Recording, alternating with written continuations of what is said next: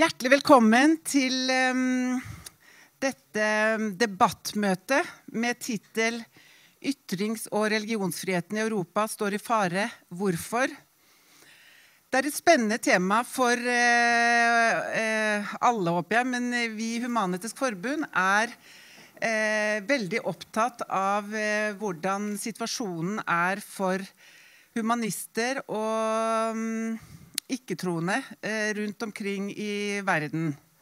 Og vi har også flere eh, samarbeidsprosjekter med humanistiske organisasjoner i andre land. Og um, vi er også derfor veldig glad for at vi i dag kan eh, ønske velkommen våre samarbeidspartnere fra Romania og Polen nå bare tar jeg denne korte introduksjonen på norsk, men ellers så vil møtet uh, foregå på engelsk.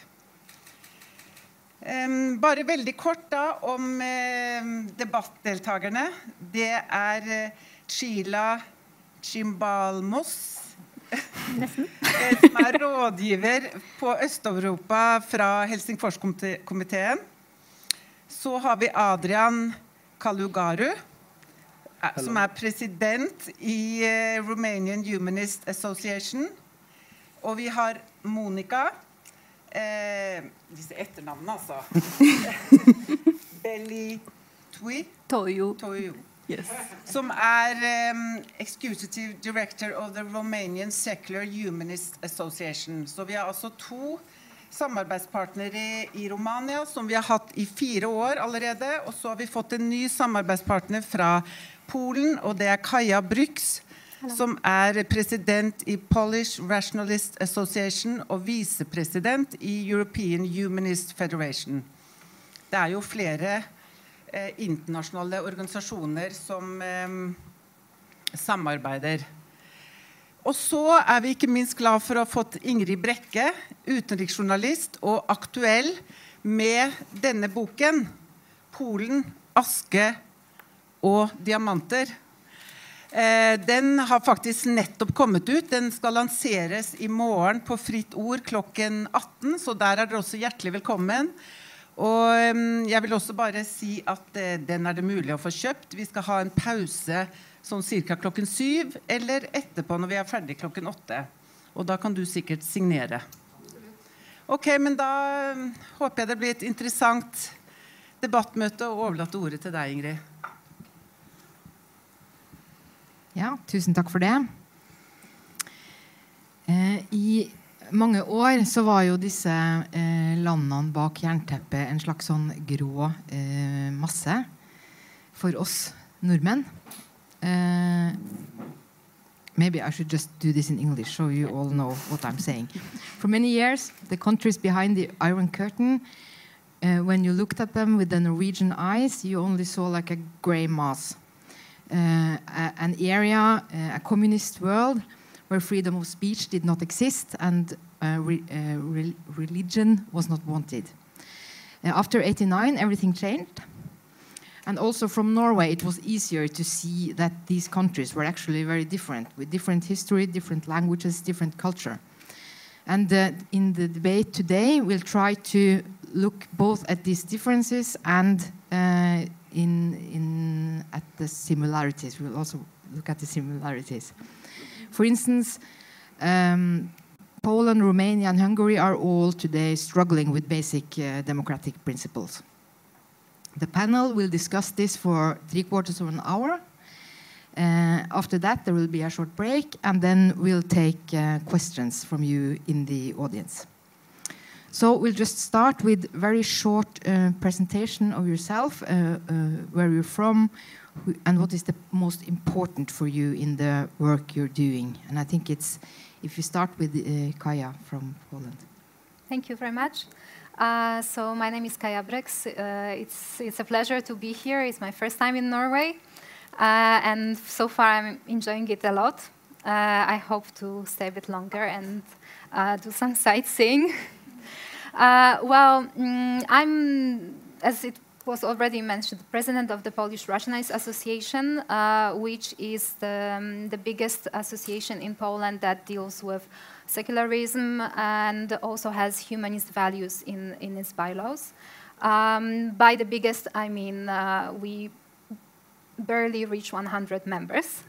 Um, I'm also currently vice president of European Humanist Federation. Uh, I'm very happy that we that my association became member of the federation. So we actually learned about the situation in other European countries, and that was quite a big inspiration for us for our work in Poland. And I'm a humanist celebrant, one of the very few that we have in Poland. So maybe that's enough about me. Adrian? Hello, I'm Adrian. I'm a president of uh, Humanist uh, Association in Romania. Uh, I uh, joined the humanist movement seven uh, years ago. I became the president last year, and uh, what made me a humanist, I think, is the the need for a strong education in in humanist values in Romania, which I seen it's needed at especially uh, at the youth level, which I work with uh, very much. Uh, I became experienced in youth level working in, pro in projects since five years ago and I, um, I, I, want to bring my experience and my knowledge in, uh, in this field for the humanist field as well. And uh, also, also, of course, all the values that uh, are represent are the humanist values uh, I embrace them all and I want to make them uh, known as much as possible in Romania. Thank you. Hi, hello, uh, welcome. I'm glad to you are here. I hope I'm not going to embarrass myself pretty very much. Uh, my name is Monica. I work for ASUR, which is the Romanian Secular Humanist Association. Uh, we started uh, our activities uh, nine years ago, almost 10. Uh, in March, we're going to have uh, our 10 year anniversary. we are focused mainly on scientific education. We are we have many projects in this area, including uh, the first Bucharest Science Festival, which is going to be next year, next week. Uh, and my favorite project to do in the organization is the scientific calendar, a calendar that we edit every year and distribute it for free in schools around the country with informations about scientists from around the world and the latest scientific discovery that change our lives for the better. Thank you. Hi. Sorry, my name is uh, Csilla. I'm um, I'm the odd one out, so to say. um, I represent the Norwegian Helsinki Committee, uh, so I'm a human rights activist. Um, I've been, I'm originally from Romania, but uh, belong to the Hungarian minority in Romania and living in Norway for now for since 2003. Um, I've been working for the Norwegian Helsinki Committee uh, for 11 years. In the past five years, I've had the portfolio on the EEA and Norway grants. We are a contact point in supporting organizations uh, in Norway, partner up with organizations in the 15 beneficiary countries uh, in, in Europe. And, and, since I have this background, both half Hungarian, half Romanian, I've been following the um, situation in Eastern Europe very, very closely through the work that I do. Good. Then we'll start on the first uh, subject, and that is may maybe the um, theme that really is um, is uh, uh, that everyone gets touched by somehow during their life because uh, that's the uh, religion and school. How is the re religious um, education, or rather, is it possible to not have a religious uh, education in in the schools in your countries? That would be the first. And I, uh, Adrian and Monica, if I remember correctly, you told me that both of you, when you started school, there were no religious education, and then yes. shortly after, everything changed. Maybe you can tell what happened. Uh, so uh, I started school in 1990, right after the uh, revolution in Romania, in, in, all the Eastern Europe revolutions. And uh, for the first, I believe, two years, we didn't have religions in schools, but after that, they uh, become uh, almost mandatory for the first grade until the 12th grade after you finish high school. Um, and uh, it it uh, was like this until a few years ago, uh, 2014, when the, the law changed after a long process initiated by uh, a teacher uh, in a small city in Romania. Uh, and now, instead of being automatically opted in for religion, you have uh, and uh, you have to uh, put a form or request in order to to attend religious classes. But until now, you have you were obligated to opt out because by default you're in, enlisted in religious classes for the whole period of your high school until university. So for the fir first grade to 12th grade, you had one hour of religious education every year of your life. For, uh, and now in the last uh, in the last years, we also have mandatory preparatory uh, grade yeah. preparatory class. So From six years old. from six years old, you have one class of religious education, and since most Romanians are uh, Orthodox, the the main religions uh, religion taught in class is Orthodox uh, religion, Orthodox Christian. So you can you can choose not to have, or rather, you're supposed to choose to have the, the religion edu religious education, and if you don't have it, what happens? Then you have no education, or you have something else, or what happens? Usually, um, you should. Uh, the the idea is that religion is optional. F- From the beginning, it was optional, and what Monica said is that um, now that the law has changed, and now you you really have to opt in for because it's the same for all the optionals that are taught in Romanian schools. Um, the idea is that usually you have to, uh, when you put an optional class, you need to uh, offer the, the, the, the children an alternative. If they don't choose religion, they should do something else. But most of the classes, most of the schools are not having, they say that they don't have uh, enough uh, teachers for, the, for uh, or having space. or space, yes. And um, to put it short, uh, if you opt out uh, from, if you don't opt in for the for the uh, religion class, uh, basically you end up uh, wandering in the school alone. Uh, you, you don't have uh, uh, where to go, and um, sometimes you the, the children need to attend even though they are not they are not given marks uh, from the teacher from the religion teacher. Uh, they have to attend the class because they don't uh, they- they're not allowed uh, to be um, to, to be not under surveillance by a teacher. And uh, this is why the number of children who are attending uh, religion classes is still very high even though so- most of them they don't want to uh, attend these classes or their parents don't want them to attend the classes but they don't have uh, alternatives And what's the situation in Poland? Well, it's quite similar. Uh, the Catholic religion classes were introduced in Poland in 1992. Um, they are not mandatory by law, and they were not mandatory at that time, but they were considered uh, compulsory because there was um, this social pressure uh, that since um, communism was over, uh, nobody wanted to be associated with the communism anymore. So uh, the early 90s is, uh, is the time when everybody goes to church every Sunday and sends all the children to religion classes. So actually, even uh, before it was introduced to schools, my parents sent me to the, um, the classes at the parish uh, to attend those. And everybody was there, and actually everybody was spying also on other people. Are is he sending his children? Is she sending her children? You know, so there was like extreme social pressure to for everybody to show that they are Catholics, and. Um, I think people started questioning this um, at the end of the 90s. So, uh, so then the, these concerns were raised that okay, we have the Concordate with uh, with the Vatican, which states that actually there have to be Catholic religion classes at public schools. Uh, but um, why do they have to be compulsory? Yes, let's organize something for the children who don't want to go there.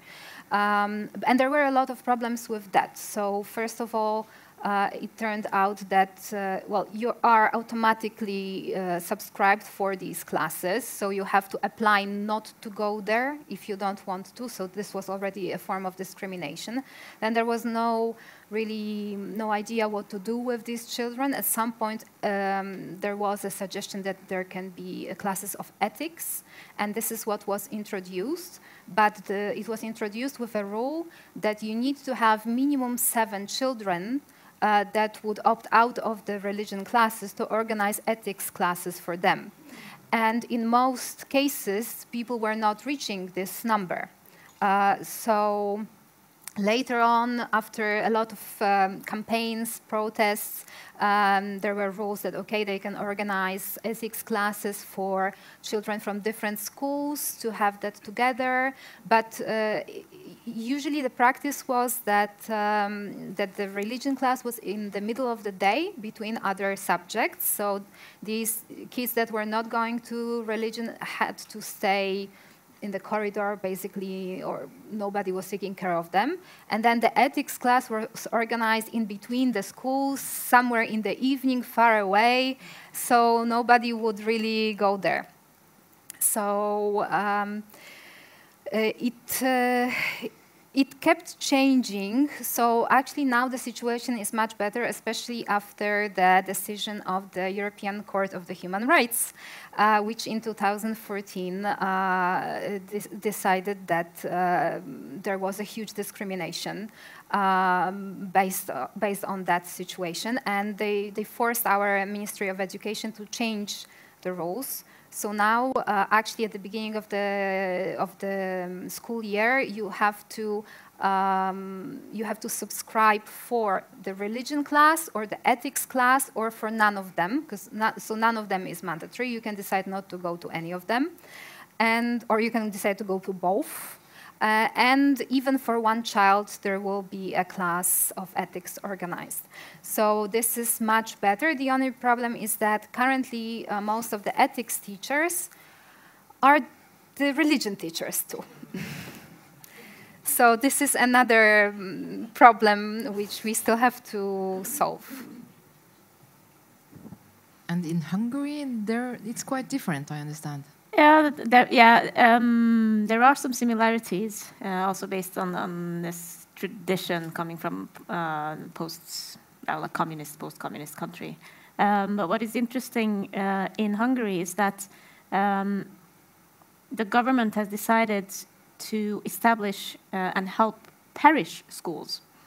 Uh, so it's not just an issue of how much religion is being taught in classes, which is a bit, bit, similar to what Poland has now, uh, where you have uh, you can opt between uh, religion or ethics. But again, it's experts say that it's about the same curricula anyway. So whether you opt to one or the other, you get the same thing. Um, but in Hungary, they have these uh, these parish schools or church schools. Uh, which in many cases and in many small places uh, are the only existing schools.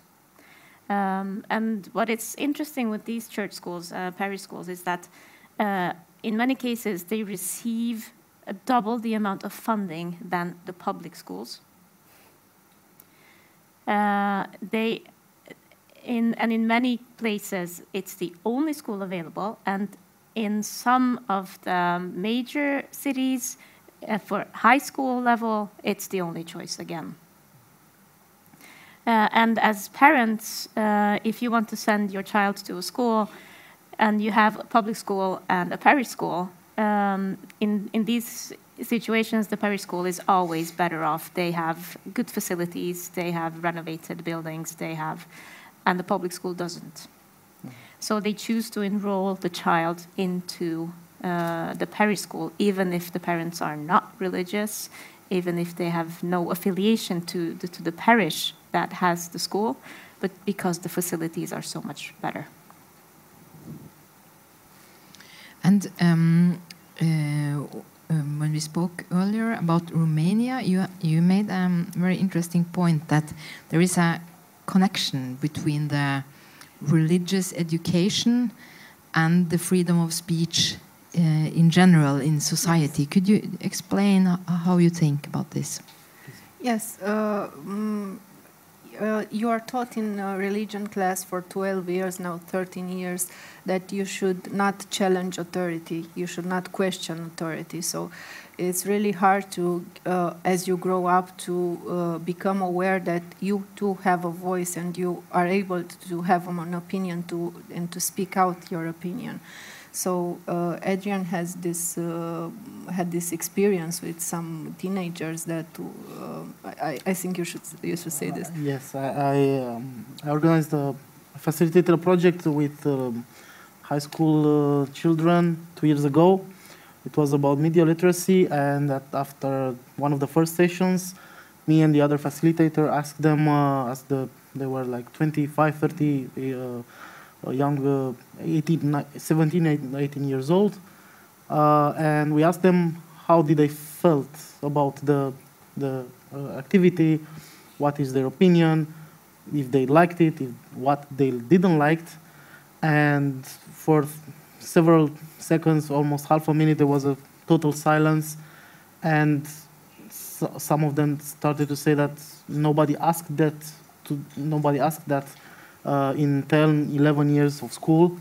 Um, they don't know what to say, and uh, they, they, they, cannot.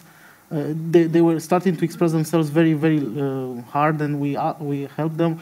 And also, we did that in the several days that followed the, uh, the same exercise. They became more and more open on the on giving us feedback because it's important in educational projects to receive feedback and when they came out, came back to school, it was like um, for them it was a shock to return in the same in, the, in their environment uh, because they knew that they cannot question the authority of the teachers. Yes. Um, also, there are cases we have to speak about that uh, in which uh, the not all the teachers in Romania are authoritarian or they they impose uh, uh, this this kind of feeling, but uh, it, you also have the reverse in which uh, children are not respecting at all the, the teachers because basically they want to revenge on the on the feelings uh, uh, they have the feelings about the the ones that are authoritarian in their classes so uh, we, we have two, two extremes exactly. that we have to, to deal with. Uh, mm, it's a, I believe, uh, to some point, it's an institutional problem, but uh, we are working with our projects, and other NGOs are doing their their best to to have this non-formal education project uh, to to help with uh, with these problems.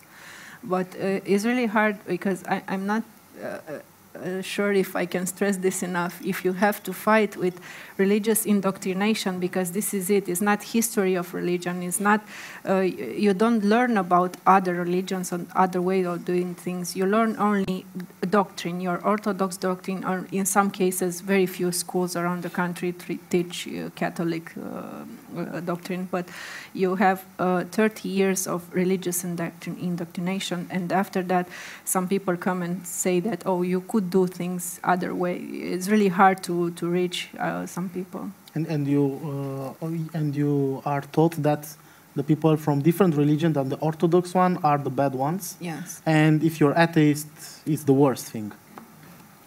Yes. Well, we have quite a similar situation in Poland. Uh, so um, I think the presence of the Catholic religion classes at schools now, well, as I explained, it, it's a bit better because you don't have to go there. But still, especially in smaller towns, uh, parents would still send their children uh, to those classes, even if they don't believe uh, in this religion, uh, just for for the social appearances. Uh, so uh, the, the content of those lessons is uh, very concerning uh, because the Ministry of Education has no um, no power over what's being taught in in the schools in these classes. Uh, the program is prepared by the Catholic Church and is only sent to the Ministry for Information, and uh, even um, and the program well, includes Catholic values, like, for example, um, fighting abortion, uh, fighting LGBT uh, rights, because this is, uh, in their opinion, the most important thing to discuss with children. So actually, there were there were these scandals when you would have a six, seven-year-old child coming back home and asking, "Mom, did you have an abortion?" You know, because the priest said this is bad and you will go to hell. So. Um, so this is one problem, and sometimes uh, there is uh, quite a lot of hate speech in those classes, and really children are exposed to, to the certain worldview, which, which can be very damaging, especially if they feel that uh, there is this pressure that uh, everybody believes in this. Yes, because everybody from their class is going there. It's not like half of the children is going somewhere else. So they feel obliged to somehow ac accept it and adopt this, this way of uh, thinking, especially that um, in other lessons, uh, I don't think that the educational system is uh, good. Actually, anytime we are having uh, debates in our association, whichever the topic, it always ends up with we should change our education system. Uh, so because it is very, very similarly, it's very um, authoritarian. So somehow the teachers, they used to uh, convey the communist propaganda in the past, and later on they started conveying the, the Catholic propaganda. Uh, and because I'm not talking only about the religion classes, but also the Polish language and literature and the history classes. These are the ones which are also subject to a lot of propaganda. Uh, and uh, I remember from my school times, uh, I also started school in 1990. So in a way, I was lucky because the old program was not there anymore, and the new one was not really ready yet. Uh, so I think there was not that much propaganda in what I was told, but uh, checking what the younger generations uh, were, were taught, um, our history is presented in a very nationalistic way. So if you if you look at the, at this, you are not surprised later that you have all these young people who are now followers of national, nationalist uh, movements because this is how they were, you know, taught at schools. Uh, and actually, currently, this this government that we have right now uh, has started rewriting the history books one more time so, uh, for example, to change the history of the solidarity movement. And they removed Lech Wałęsa, the, the Nobel Prize winner, uh, from the, the history books completely. They did from, from this year, or? Yeah. So, so this is, uh, this is the kind of, well, we are going to have elections soon, but I'm not really sure if this is going to change much for the better. So, so it's not only only the religion; it's other subjects too. And the, the fact that we are not teaching young people to think for themselves, to be critical, skeptic, to ask questions, to challenge the teacher, to challenge the, the, all the authorities. Uh, especially that John Paul II, the Polish Pope, is still the most important person uh, in the country. And if you want to be smart, you need to quote him. So. Uh, I would like to make a, a, a short comment uh, in regards to the teacher uh, part of your of your response. Uh, in Romania, there are some teacher that uh, go to theological university and after that they uh, realize that they cannot all be priests or religion teachers. So they have double special specializations. Uh, so they uh, become geography teacher a biology teacher and they they teach no. in, in schools, but they choose to present the religious version of the creation of the world, of the human being, and so on. So this is another problem. But if I look back from when we started in 2010 and until now, it's not all bad. So yes, there are many bad things, but things are starting to look better now. There, are, there have been improvements, and uh, for us, even if the, there are small steps, we start to see that what we are doing works and what the other NGOs are doing works, and uh, uh, it gives us hope and power to keep uh, fighting, to keep uh, doing things better and better. Also, uh, one difference between Romania and Poland is that in Romania there is no law against blasphemy, No. but Yes, in Poland it is. And can you say something about how this is used? Yes, well, it's not the proper blasphemy law. Uh, in, in precisely speaking, it is um, a law that you cannot offend other people's religious feelings, uh, which uh, makes it. I mean, it doesn't even sound like a law. Um, to be honest, in, in, in this context, because it's so ambiguous that um, well, there, there is the sentence is a bit longer, so the the examples which are given suggest that this is about, um, like for example, mm, tearing a Bible would be a, an example of of uh, offending somebody's religious feelings, or if or if you're uh, destroying the church building, then then would. But the thing is that we have other laws for that. You're destroying someone's property, so. Um, so this this is still punishable by law, right? And um, this um, this particular article from the penal code, um, it's uh, always been used uh, towards people who said something offensive towards the church. Uh, not so it was not really, in my opinion, as per the as per the law. But it, the law is so ambiguous that you can do anything with that. Um, so it's the, the, um, there are apparently a lot of people filing complaints, but luckily the prosecution doesn't accept 95% of them at all because they decide that these are just some, you know, crazy people. But there have been uh, court cases of artists mainly uh, who were um, doing some paintings that included the Jesus uh, mm, posture with some other elements, which were con- this was considered offensive. maybe this Virgin Mary with the rainbow halo? Uh, yes, this is this is another story, but uh, right now, uh, I mean, the court case is is due. So, uh, but there have been other cases. Luckily, not too many. Um, and uh, well, the punishment you could be uh, in, in jail for up to two years uh, for this, or you have to pay a fine.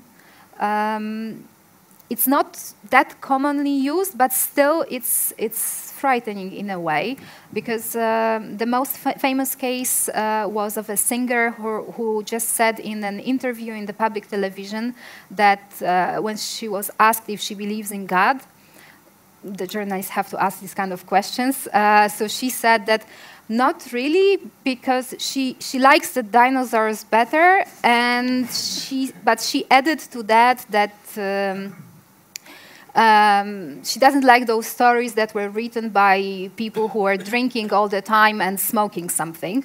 And uh, this, this was uh, pros- prosecuted. Actually, she was, um, she was to pay a fine, quite a big fine, for that, for offending religious feelings of people who watched the show. So, um, so this is this is an issue. This is a potential issue. Right now, it's not a big threat, it's, and it's only affecting like really famous and rich people.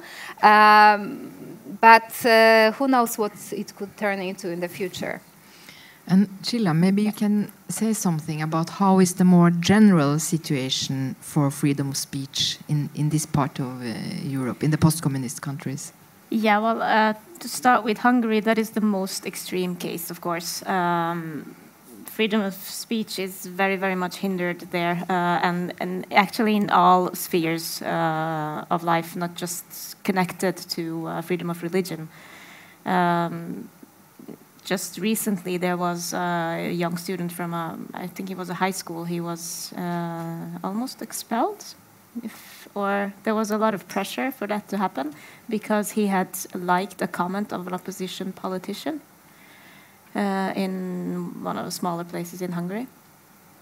Um, there are, among artists, among journalists, among um, trade union representatives, among actually in all fields of life, people feel the pressure and the fear of, of repercussions for their jobs, for their works, and for their families.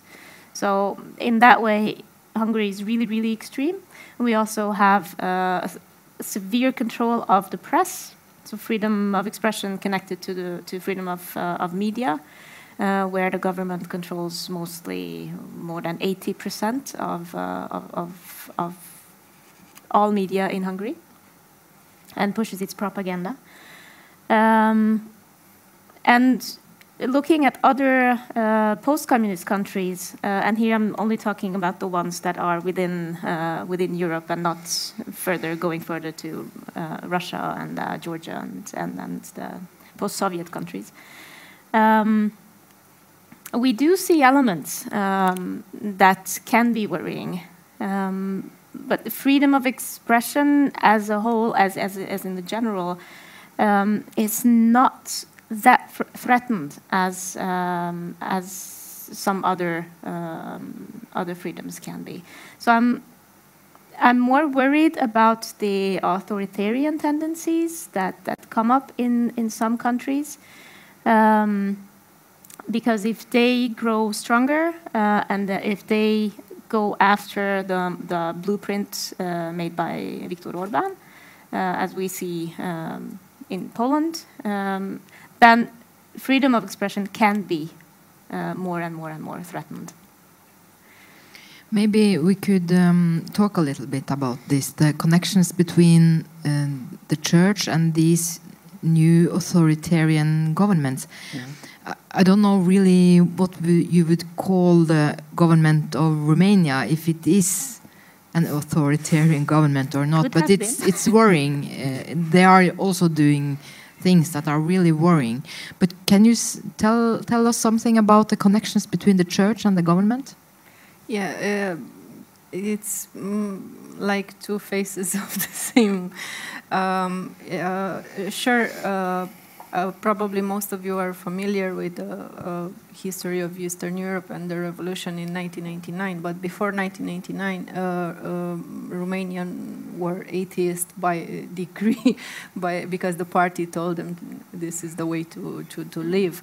But uh, the Orthodox Church was not as persecuted as they claim now because some of them collaborated with the government during that period and uh, in order to gain favor they um, um,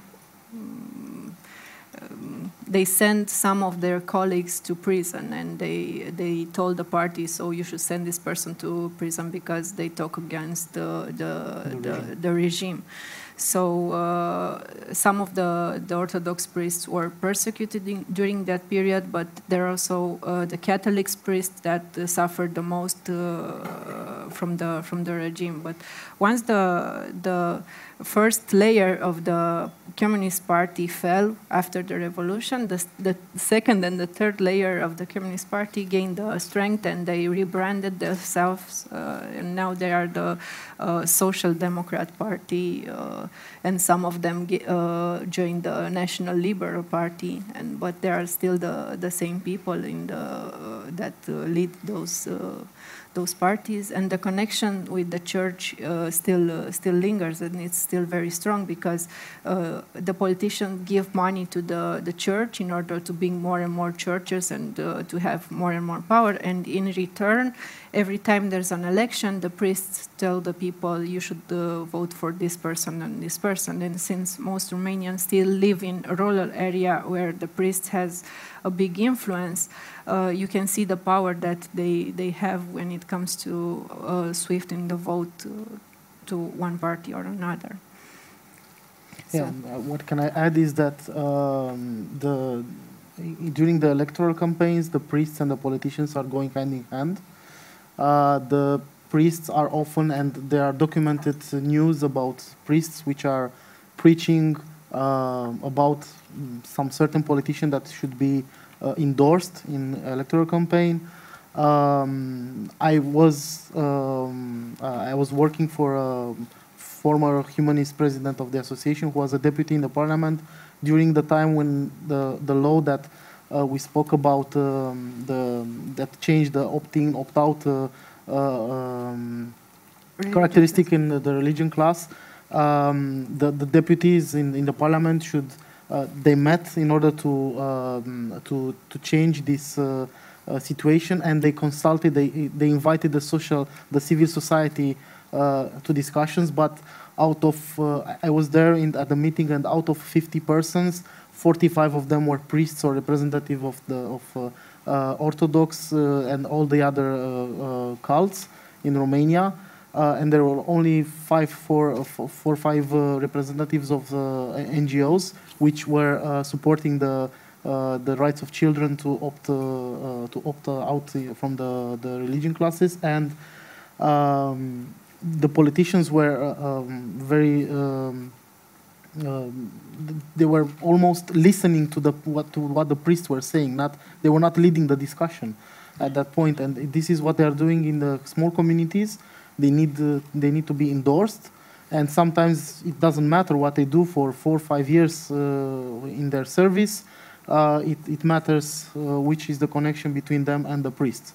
But there is also one let's say positive uh, example.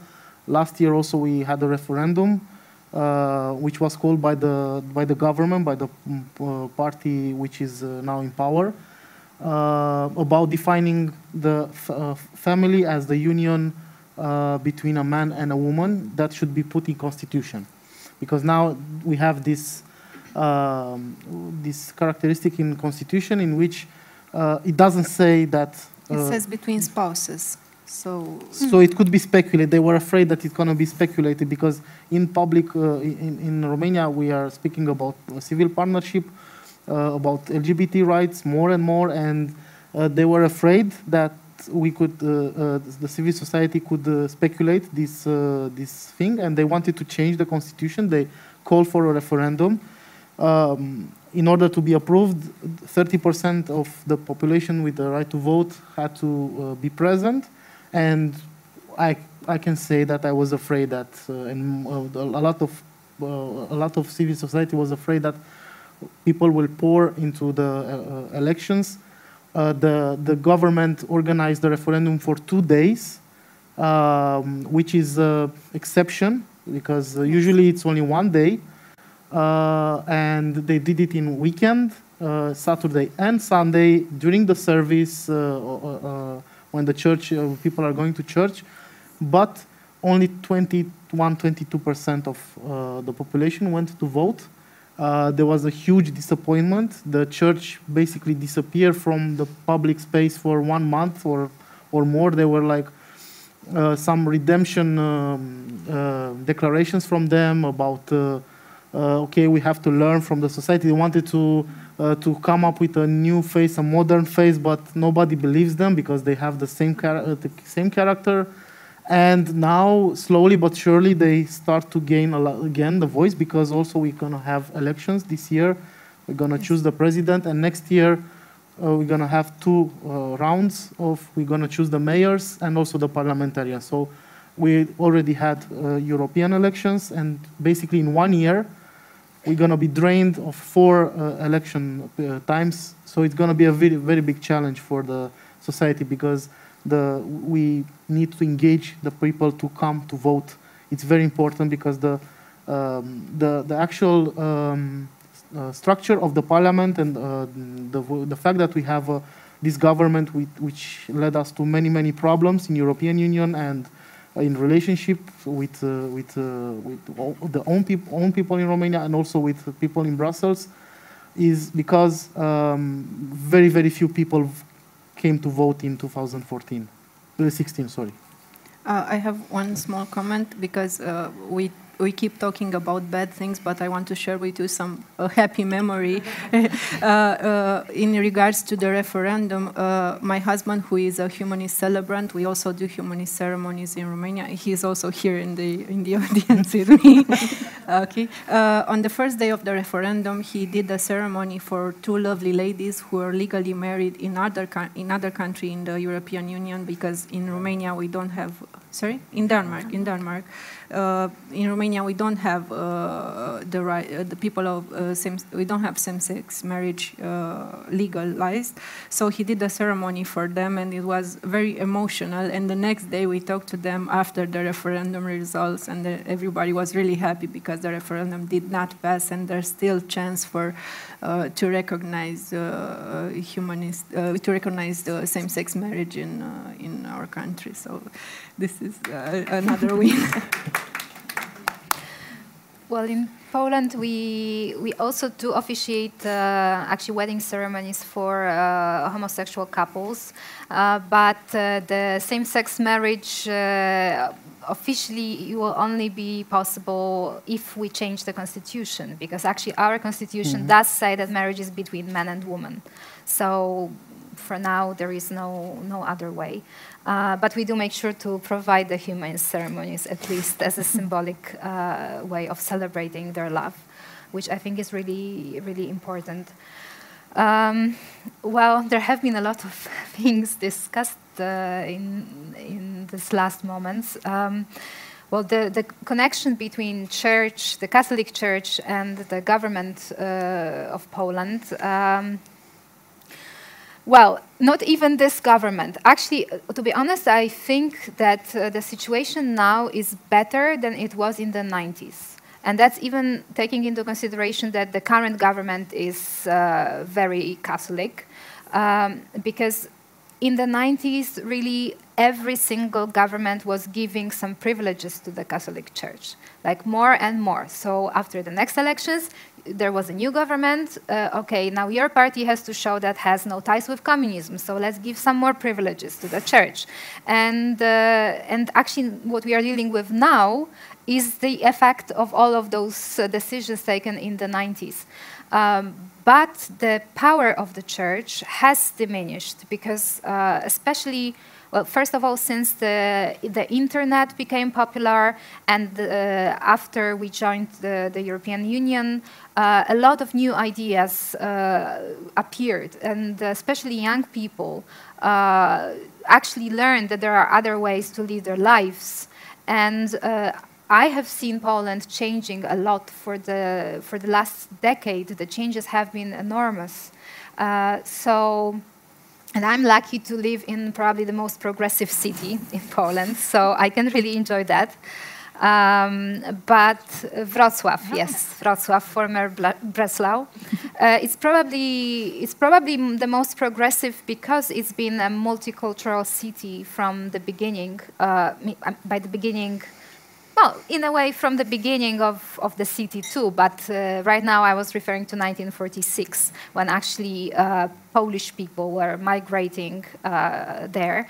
So we had actually this is a city of migrants for us so so people uh, who came from warsaw which was completely destroyed after the second world war people who came from uh, ukraine uh, and lithuania from the territories that used to be in poland before the war and they, they were migrating and many of them moved to, to wrocław and the, the surrounding area and um, somehow from the beginning, we had to establish rules, you know, to, to cooperate in, in, yes, most people were Polish, but coming from very different backgrounds. Um, and getting back to the, the church issue, I really see that there are less religious people. I really see that amongst the those who uh, are Catholics, uh, there are many progressive people who who do accept the fact that not everything has to be done accord according to the Bible read literally, but actually you can be Catholic and you can accept more progressive values. Um, and right now, I think uh, we, since we have finally started discussing openly the issue with uh, pedophilia, I think this is going to be a big uh, changer of the situation. Uh, but of course, there are mm, people who are religious, and somehow the politicians seem to be the most religious group in our country. Uh, so, so let's see how this goes in the future.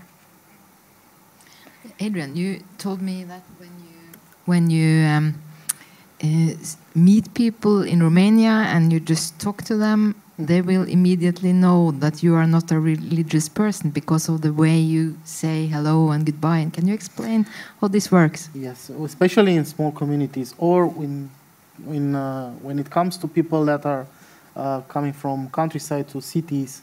Um, if there are religious people, they don't say hello or goodbye, they say God bless you. So at the end of the beginning of the conversation, if you say hello to someone and uh, he will answer God bless you, then either you are forced to, to say this, to speak the same way, or you just uh, you, you cannot pretend you, you didn't hear that. so um, it is also this uh, um, God help you or God God uh, God bless you in order to uh, endorse someone or to encourage someone to do something like it's it's this way of, of speaking. But if you repeat this time this conversation with that person and you you you ignore that, you, you feel a distance of, of that person because it or, or if you say that okay I'm not saying God bless you or I will, I will not I will not tell you that because uh, if you say because I'm not a believer or something, I'm not going to church, is like okay, you have to you, you have to avoid you uh, because uh, it's not it's not okay. In in Bucharest where we, we are living, it's it's not too much, but. Um, you can I, see religious people while, while, while they're passing a church, they make the sign of the, the cross, and uh, but only the, the ones that are very religious and uh, or maybe superstitions because uh, it's bad luck if you don't do it. Uh, but younger people are doing this less and less, and the people living in the big cities, they're, they're not. Yeah, and, and for example, I. Um, my grandmother is, is living 60 kilometers away from Bucharest, and I cannot uh, visit her and stay for more than one day in the fasting period because the priest is uh, making the round in, on, on the, on the uh, community and it comes with uh, it's so-called the baptism. Um, but it's baptism every time. It's in the Easter, in, the, in uh, before the Christmas, and like six or seven times per year it's the so-called baptism, and uh, basically he came to collect some money from the people, and to just to uh, to make a blessing for the house. And I, I uh, she is not uh, hosting me in that moment because uh, I told her that I will not kiss the icon. You have to kiss the icon uh, when the priest is coming. So I, I told her.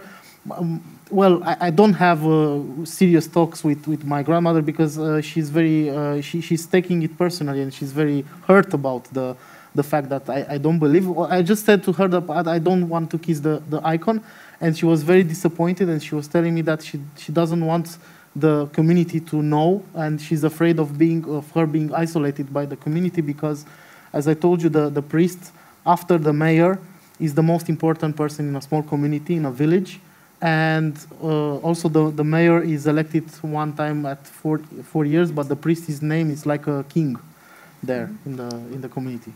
Csilla? Yeah, I just wanted to add a short comment when you said that uh, in Poland politicians are the most religious. Uh, all of a sudden, we, we see this also in, in Hungary um, that uh, in the connection between the state and the church uh, is very, very strong and very close. Um, and we see a way, in a way, the state try, not trying, but actually using uh, religion and using uh, religious feelings for their own political uh, purposes. And the latest example for this was uh, when, uh, after uh, five years, uh, Viktor Orban has tried to give, at odds, trying to give a definition of what the illiberal democracy is. but now, after the um, after his major plans of how the European Parliament is going to look like and all the um, alliances that he's going to make with the extreme in Italy and Austria and, and all that fell through.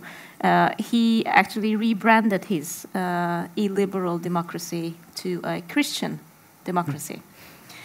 Uh, and by this, it's um, it, it, it, it is a tool that he is using because it makes his uh, his form of government and his form of governance less uh, attackable.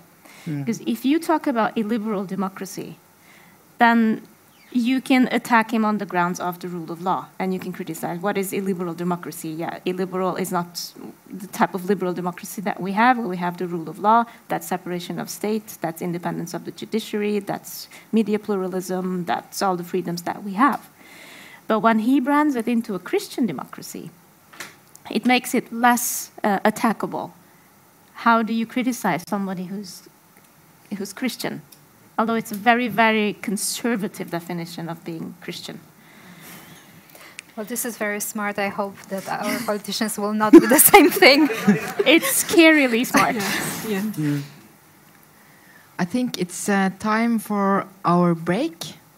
Um, it will last 10 minutes, and um, after that, uh, you can ask questions. You can do it directly, or if you prefer, you can come to me in the break and I can ask them for you. Ja, da er pausen over. Og vel så det.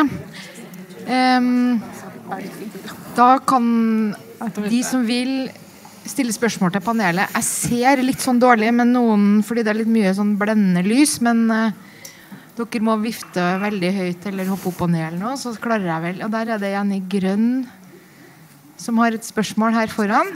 Vær så god. Thank you very much for coming and for elaborating on, the challenges you face in uh, your countries. I would like to, you spoke a little bit about what uh, EU does or that uh, it helps to be a member of EU because we're not speaking about former Eastern European countries, we're actually speaking about uh, EU member states. And uh, I would like to know how the EU is helping you to reverse, if possible, the authoritarian uh, style of the leaders and also how Norway and EU can help you. What you need from EU and us. What can you get inside EU or do you have, what, some reflections on that? Thank you. Can I uh, start? Uh, so, uh, for us, being a member of EU uh, was a big help for Romanians in general and for humanists uh, in special. Uh, it, it, it, was like having an older brother that helped us because there are a few directives that help a lot with freedom of speech mostly. And I should give you one recent example. Last year on August 10th, there was a big demonstration against government in Romania, and the um, police force, gendarmerie, police force, they, gendarmerie, they they use. Uh, uh, tear gas against us, and most of us were there in uh, in the in a public in this uh, protest, and. Um, the uh, international media uh, uh, covered the subject, and most EU, EU, politicians took notice and took a stand against it.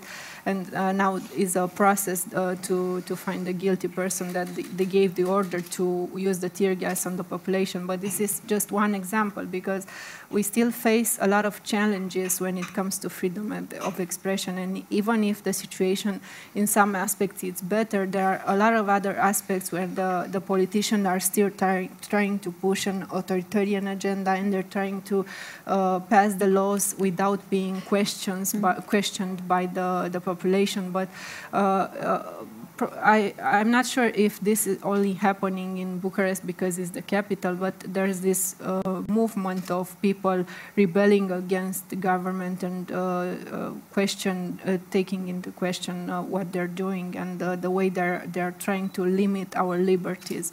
So there are mm, continuing challenges, but we are trying to, to push through it. To, and the, the EU for us is very helpful.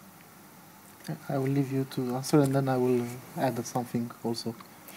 Well, uh, definitely there are a lot of directives that are very helpful in imposing, uh, in changing the laws. Yes, and as, and also the, the European Court of Human Rights is doing a really good job uh, in this regard. But I think um, when I said earlier that it's very that it has changed uh, our country a lot uh, that we joined the EU, I meant uh, mainly the fact that uh, we started traveling Like the, the fact that we didn't have to apply for visa, that we could just, you know, move between Schengen countries uh, without any formalities. Um, it uh, resulted in people actually doing that and then seeing that, okay, all of these people who speak other languages, who uh, we only know from history that we had like 100 wars with them,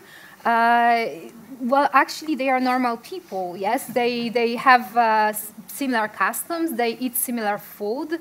Uh, yes, they speak a different language, but there are many words that are similar. So you could even communicate if you don't speak a, a foreign language. And of course, if you speak some, then that's even better.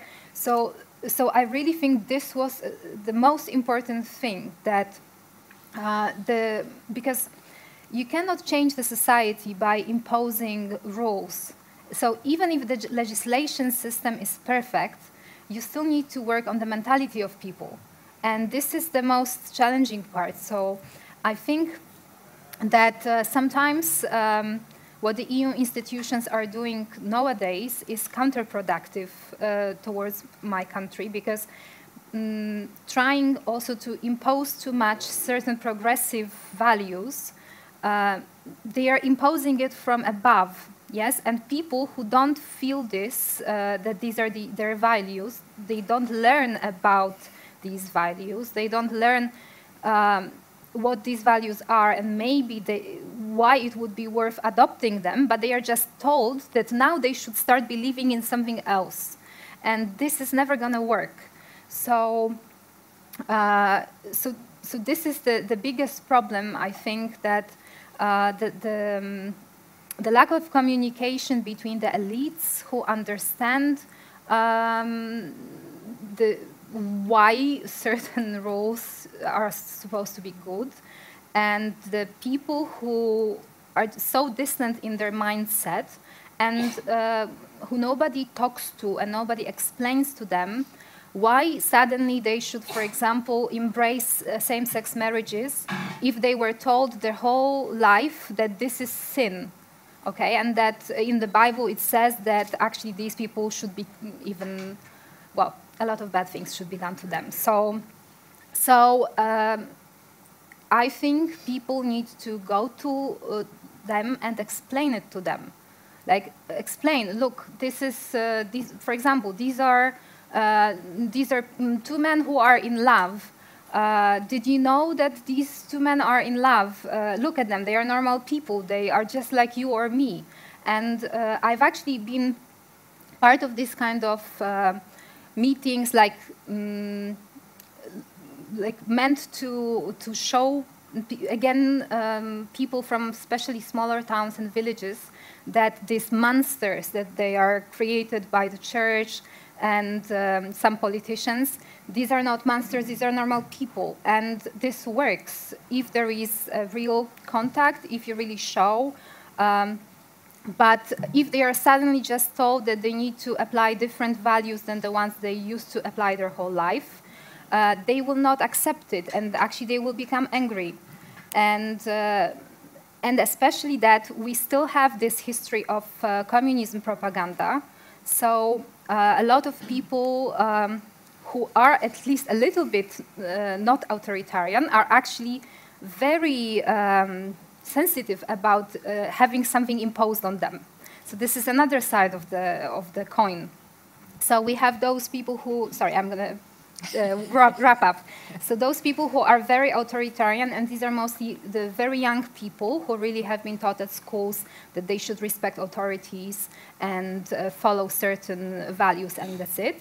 And then you have these people who don't like anything to be imposed on them. And we have a huge lack of education, uh, of communication, um, that would be aiming to change the mindset of people instead of legislation.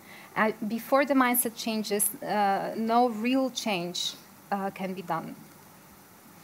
Okay. Um, and what I wanted to add is that um, uh, besides um, the, the appartenance of uh, us in European Union, yes, the, the first thing that uh, helped us was the mobility. The fact that a lot of uh, Romanians, all like above 30 years old, went to to work uh, abroad. Uh, some of them are returning now, are returning home, are coming from societies, from open societies, uh, which are embracing LGBT rights.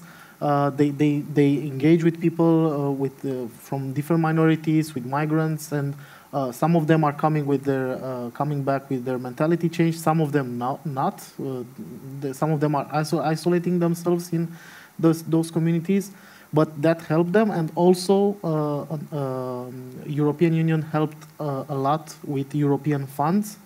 Um, and I am speaking now about education funds and Erasmus pro program uh, especially for the students. Uh, a lot of students in, uh, are, having the chance all over Europe to, um, to learn one semester or one year abroad. Uh, there are a lot of universities in Romania that are having connections with uh, um, France, Belgium, Spain, and other countries.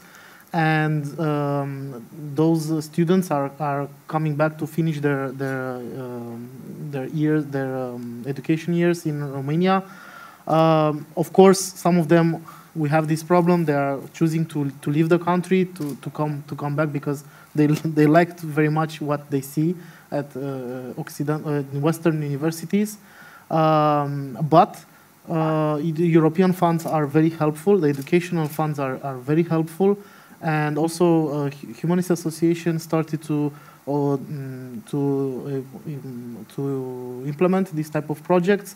Uh, and in uh, next month, we're going to send the second group of um, participants in an Erasmus project abroad because we also want to send people to see other cultures, other uh, other um, uh, societies. It, it's a short-term project, one just one week, but we want to uh, do it more. And what Norway is doing and can do, uh, actually, it already does for us being here, we also we, we are very thankful for uh, Human-Etisk Forbund for having us here and um, engaging with uh, with you and this, to have these discussions.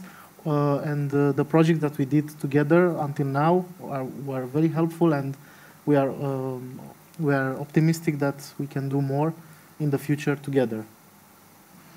Yeah, I believe. I'm sorry. Sorry. Uh, I believe part of the question was also um, how what can the EU do to stop the authoritarian tendencies, uh, and there I must say, from what I have been following uh, in the recent years, is that the EU has been quite weak in uh, drawing the line of, of, where the authoritarian tendencies can, can go and where it should stop and I'm thinking about Hungary, of course. Um, it, for for a very very long time, uh, the reactions from the EU have been too weak and too toothless, um, and it only reinforced the courage of the Hungarian government to go further and further and further, and and triggering Article Seven, I believe, came um, came actually a little bit too late.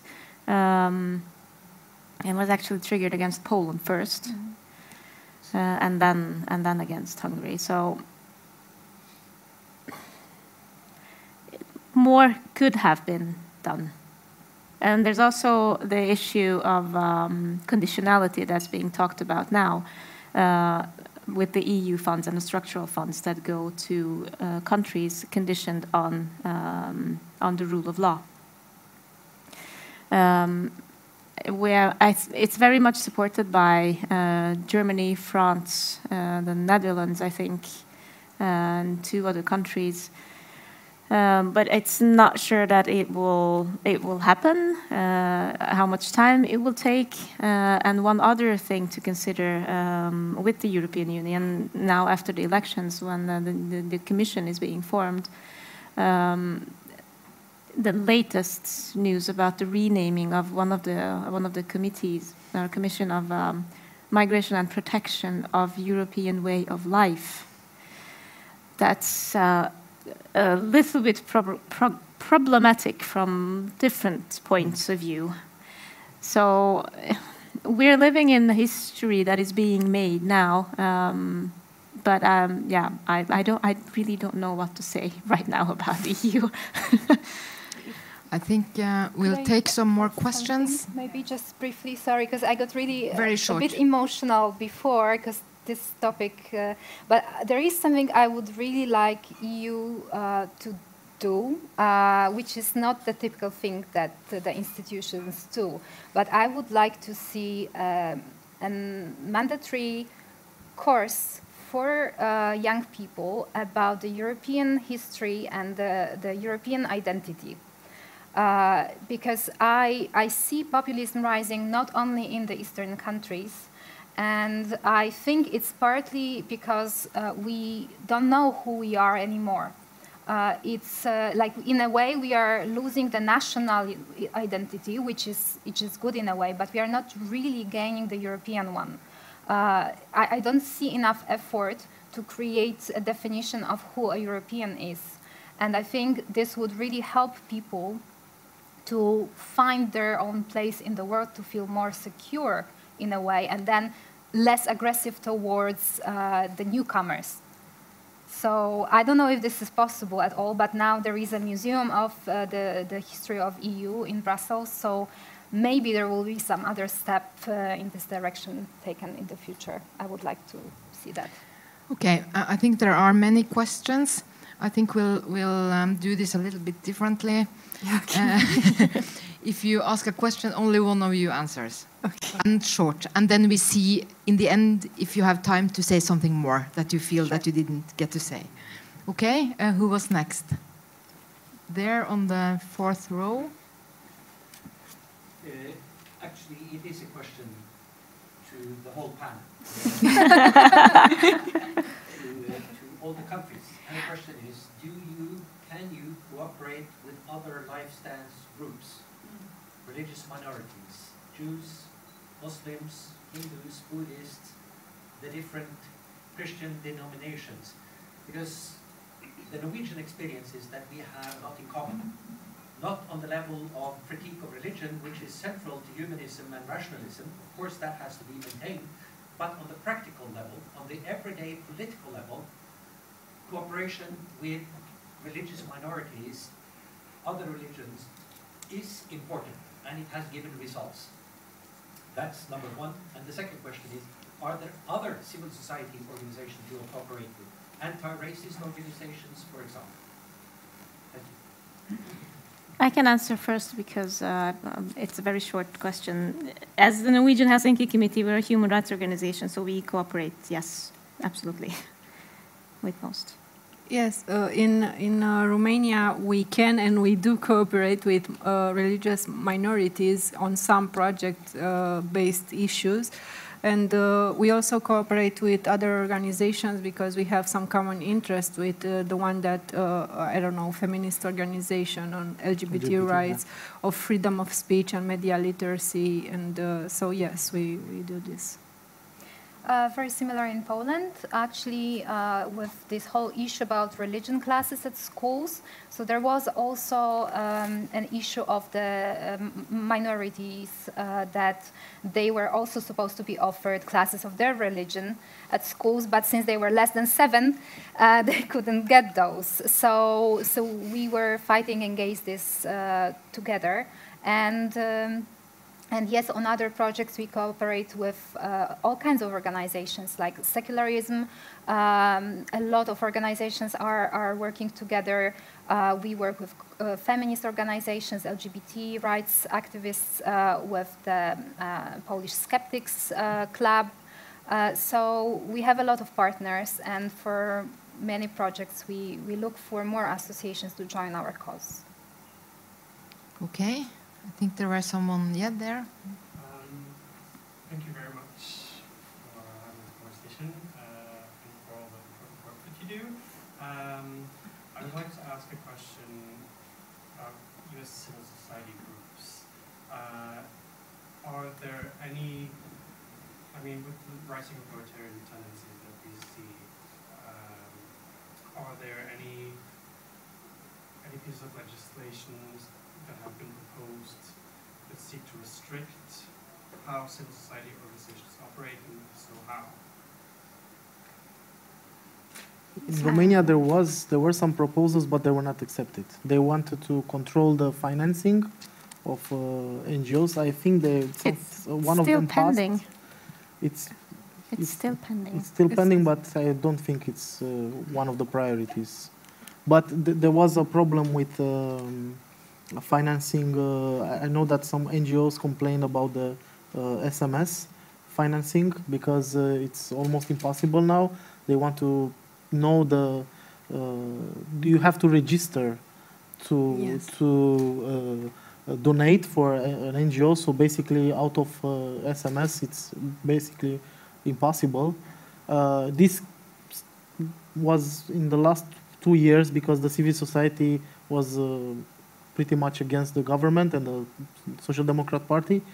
Um, And there also there was this uh, uh, uh, new register that they invented that every uh, NGO had to apply to register in in order for companies to be able to sponsor some uh, project. Otherwise, the company would be able to sponsor, but they, the sponsorship was not deductible from their taxes. So nobody was interested in becoming a sponsor for an NGO if they couldn't deduct the, the, the amount of money spent on the, the project. So yes, there are efforts to silence the civil society since the civil society is against the, the ruling party. But I guess Csilla has some more. Yeah, the clearest example uh, is from Hungary with uh, the um, Stop Soros law that was passed last year. If you're familiar with it, it's um, it targets mostly organizations uh, that are critical of the government, uh, also especially organizations that work with um, with migrants and asylum seekers. Uh, and the, the law is called Stop Soros because uh, Soros is the, uh, the, the philanthropist um, that established the Open Society Institute and um, also gives grants to many organizations, not just in Hungary, but in many other places in Europe as well. And all these organizations in Hungary, um, both organizations and the individuals working uh, for these organizations are seen as uh, Soros mercenaries. Uh, at one point, there was a list published in one magazine uh, naming about 100 people in Hungary as the Soros mercenaries. Um, so this law is um, um, designed to put organizations that give legal assistance to migrants and asylum seekers in a, a bad light. Uh, they they risk uh, prison uh, and fines, and they also have to pay a 25% tax on on the grants that they receive for the works that they do. So uh, it's been attacked uh, at the Constitutional Court. Uh, it was, well, in February or March where the Constitutional Court came with its decision that was very ambiguous. It basically maintained the law as it is and just had minor um, um, nuances that could be changed. But yeah, definitely, it's one of the worst laws. Another question? Yes, I want to know more about the humanist organizations and um, uh, why is it two different humanist organizations? This might be a touchy question, of course. No. But uh, I want to know why. Uh, it's not a touchy question, but we are smiling because it's the question we get asked a lot when we when we uh, meet some uh, fellow humanists from other countries. Uh, this is why are that. Uh, so one of the reason is that it's important to have more voices that ask for the same things because uh, it creates a bigger pressure uh, on the the people in charge. But uh, uh, in the beginning, there was only one association, the uh, human, Yeah, just like in the yes, uh, uh, the Romanian Humanist uh, Association. But uh, in 2010, the uh, founding uh, members from ASUR, from the association I work for, uh, decided to form a new one that uh, focused more on scientific education, while uh, Adrian Association focused more on international cooperation and programs for youth. So we have different directions of acting, but we all know each other and we, we have common projects uh, that we also work on. So uh, it's uh, uh, a tactical decision, basically. One more from Divine. I was uh, thinking that um, the title for this debate was um, The Freedom of Expression and Religion is Declining in Europe. Why is that? And listening to you now, I feel that you don't feel that. You feel that the conditions in your countries are improving. Is that the right uh, picture that I got? Or, and also could you just um, say a little about how you feel that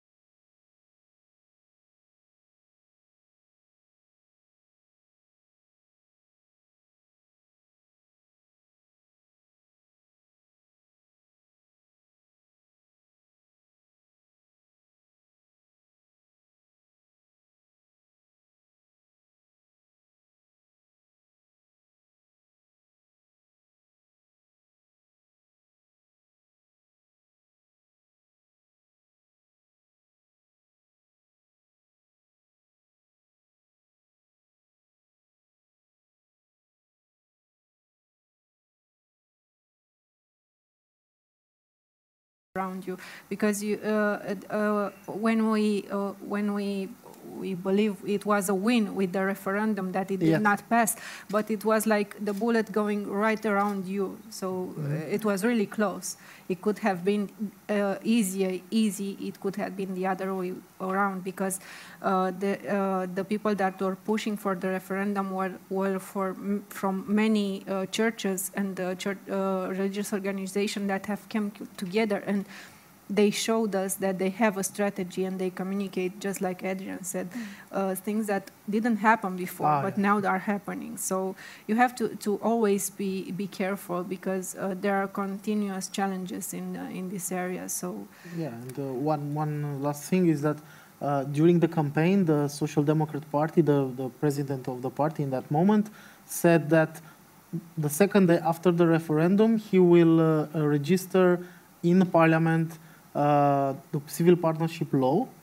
He promised that uh, in order to, you know, just to, to that was a discussion PR thing for the European countries to Mm. to see that okay in, in Romania this is gonna happen, so that referendum is not so threatening to the civil society and to the LGBT rights. But after the referendum was not approved, he didn't say anything about it anymore, and he said that he uh, he was disappointed of, uh, of the society or something like that, and he, he refused to register that law. Uh, so yeah, we we can see that it was just a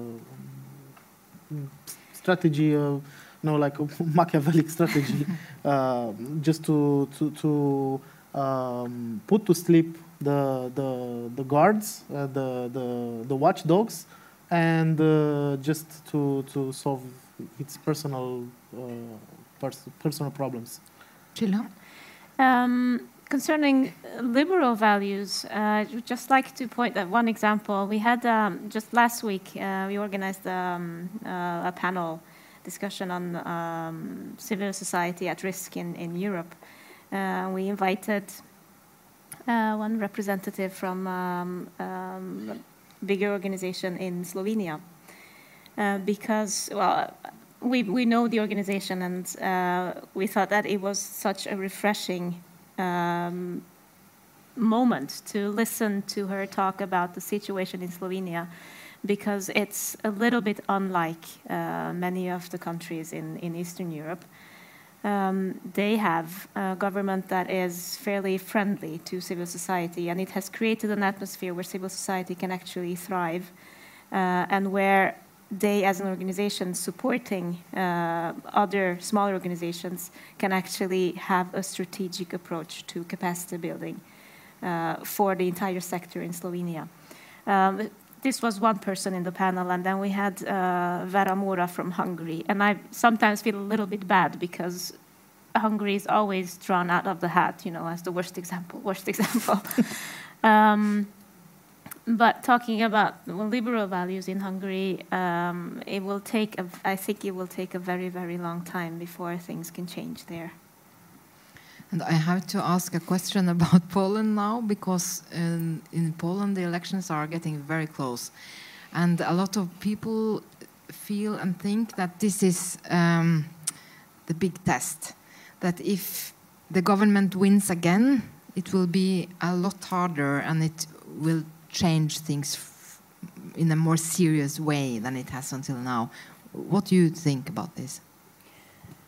Uh, well, um, yes, I'm actually afraid that if Law and Justice wins the second election um, with the numbers that would allow them to form the government on their own, uh, they could become um, more serious in changing the, the country towards um, more totalitarian system. Um, so this is my fear.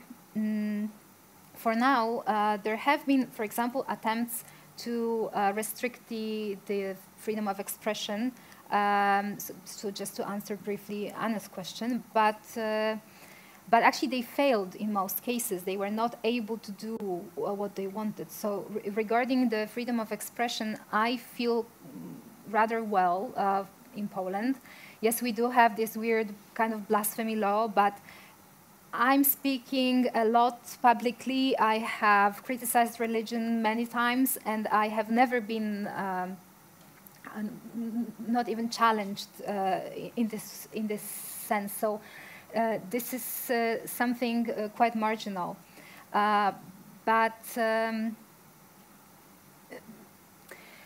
Well, the, the reason why people vote for law and justice uh, is not that all of, all of the followers of this party are um, authoritarian or they want to see uh, a conservative Catholic country.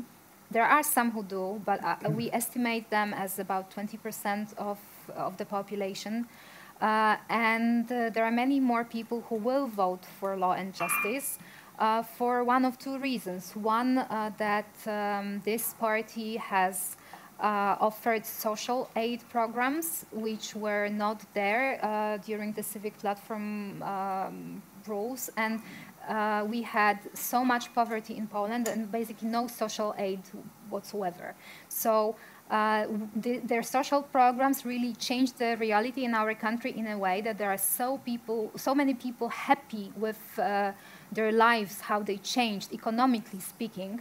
Uh, so they got aid if they have children. Uh, they are getting some aid from the state for their children. Elderly people are getting uh, aid now. The, the young people up to 26 years old, they don't have to pay the income taxes. So there are a lot of things introduced uh, by this government that are making people really happy about their lives.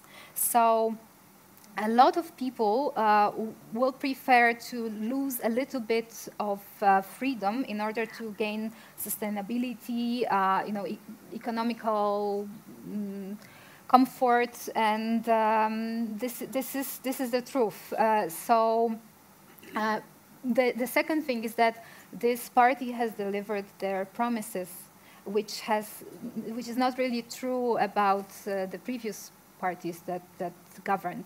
So again, now they're promising even more things uh, that we will give you money because of this, because of that, and I don't think they can deliver that anymore because they are going too far. But since they have uh, done everything that they have promised, well, at least regarding the economical promises, uh, people believe that this will happen. And I, I, think this is really going to influence the results of the elections uh, heavily. And on the other side, we, I'm not very proud of our opposition. So they are actually working hard to lose as many followers as possible. Uh, so this is, this is another problem that um, we don't really have any uh, charismatic politicians from the other side who would uh, speak in a way uh, that people will trust them, will consider them reliable, and will decide that this is better than actually having a secured social aid uh, that is guaranteed. So this is a real problem, and that's why I think that Law and Justice is going to win the, these elections. I hope that they will not get enough uh, votes uh, to rule on their own. And definitely, I would hope that they will not be able to change the constitution on their own, because mm. that could lead us to a very dangerous uh, situation. Um, but um, I think the, the problem mm, doesn't lie in, in, in, the politicians only. I really think uh, we have populism all over Europe, and it has to do with uh, all the fake news, all, all of this um, disinformation uh, process. Uh, this is affecting the whole Europe, and since people are not really uh, encouraged to think for, their, for themselves, uh, they actually believe in things that are easy, that are tangible, that are there, and um, well, yeah. Thank you. I think this might be a good place to end uh, this talk in the idea that Europe are more the same than we think, also in the bad ways, but also in the good ways. And thank you very much for coming here and participating today. Thank you, thank you very much.